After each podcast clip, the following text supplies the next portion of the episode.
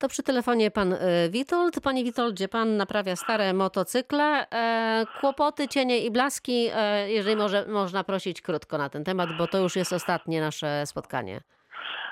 No, dobry wieczór pani, dobry, Dobry wieczór, wieczór. państwu. Pytanie podstawowe. Da się z tego żyć? Da się z tego żyć. Da się z tego żyć. E, Mam klientów z całej Polski i z zagranicy. E, Dzisiaj dzięki kurierom potrafię e, wysyłać swoje zamówienia do Islandii, do Norwegii, do Francji, do Anglii. Z tym nie ma problemu. Coś E, oryginalnego, coś, co wytwarza pan własnymi rękoma. No na pewno. I ucz, ma pan chętnych uczniów, którzy chcą się uczyć tego? Tego akurat nie.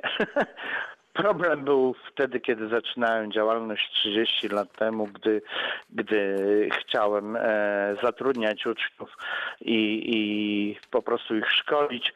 W tym momencie był problem e, z izbą rzemieślniczą, no ale mm, pomijmy ten temat, bo Z Izby Rzemieślniczej można korzystać, e, nie trzeba, nie ma obowiązku e, przynależności. Dobrze, panie Witoldzie, bardzo dziękuję panu za ten telefon. Wracamy teraz do rozmowy e, z naszymi gośćmi jeszcze.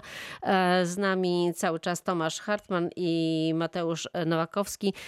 Panowie, ja zastanawiam się nad tym właśnie, jakie są szanse na przetrwania na przetrwanie tych e, zakładów, zakładzików, e, tych e, produkowania tych rękodzieła, tych rzeczy, które, które powstają właśnie no, w sposób taki naturalny. Na ile to jest moda, a na ile to jest konieczność. Myśl, tak sobie myślę, że jak nie będzie klientów, no to też nie będzie tych zakładów. Pan Mateusz. Ja myślę, że szanse są ogromne, tylko trzeba je wykorzystać. To, że rzemieślnicy są na naszych osiedlach, na, w naszych miejscowościach, a tworzy możliwość tworzenia miasta bliskiego mieszkańcom. Takiego, w którym w zasięgu 15 minut jesteśmy w stanie zrobić zakupy, wypić kawę, skrócić spodnie, naprawić buty. No, a dzięki temu będziemy zdrowsi, szczęśliwsi, nasza infrastruktura, środowisko będzie mniej obciążone. No a chyba takiego miasta wszyscy chcemy. Poza A, tym. tak? Mhm. Tak, tak, proszę. Dobra, e, poza tym e, popularna ostatnio jest e, idea zero waste czy less waste, która nie musi się wiązać tylko z zastępowaniem rzeczy jednorazowych wielorazowymi, czy zastępowaniem świec parafinowych e, sojowymi, no ale też przerabianiem, ponownym użyciem, naprawianiem, no a w tym rzemieślnicy są świetni. Panie e, Tomaszu, jak pan widzi przyszłość rzemieślników? No ja widzę pięknie. To bardzo Pięknie, często są ja- ludzie z pasją, prawda? Tak. Nie, to jest, to jest niesamowita historia. To jest, ja jeszcze nie otworzyłem, bo dopiero w piątek będę otwierał e, punkt ostrzenia noży, ostrze, ostrze i od trzech dni odbijają się już u mnie różni ludzie z różnego pokroju i dziękują za to, że będzie otwarty, że Ale ja się miejsce. zastanawiam, kto przyjdzie ostrzyć noże. No przecież kto dzisiaj ostrze noże? Czy to w ogóle jest potrzebne? Komu? Tak, to jest, e, to- to jest pierwsza potrzeba człowieka, ażeby mieć ostre narzędzia. Bo bez tego ani rusz nie będziemy mieć ani dobrze obciętych włosów, ani paznokci nie będziemy mieć dobrze zrobionych, ani trawy nie wykosimy, ani nie wywiercimy żadnej dziury, bo wiertła będą tępe, Ale wie pan, Ani idzie na- się do marketu ani- i kupuje się nowe. ani chirurg nam nie zrobi dobrego nacięcia. Tak, potrzebujemy e, rzemieślników. E, Do marketów pójdziemy, tak, kupimy nowe, spokój, za jakiś czas znowu kupimy, nie wyrzucimy, bo my mamy sentyment do narzędzi, jakkolwiek byśmy ich nie szanowali, to ich nigdy nie wyrzucamy, bo kto wyrzuca narzędzia?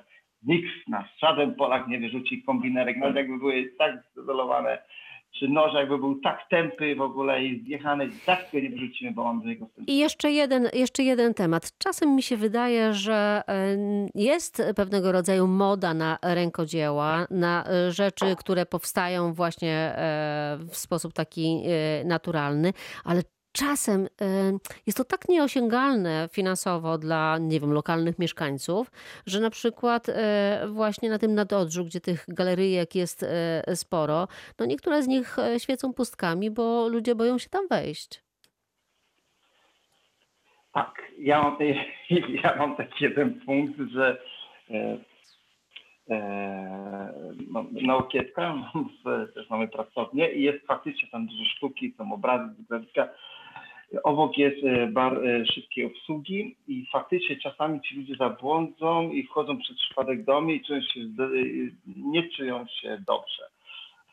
W galerii, tak? Mhm.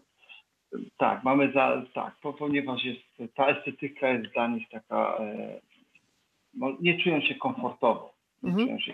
No to może właśnie trzeba trochę zacząć też wychodzić e, do tych ludzi i być dla nich e, bardziej może otwartym. Szanujmy siebie wzajemnie, e, szanujmy rzemieślników, bo jest ich mało. Może e, ta moda, dobra moda spowoduje, że będzie ich e, więcej. Najmocniej dziękuję panom za udział w dzisiejszej audycji.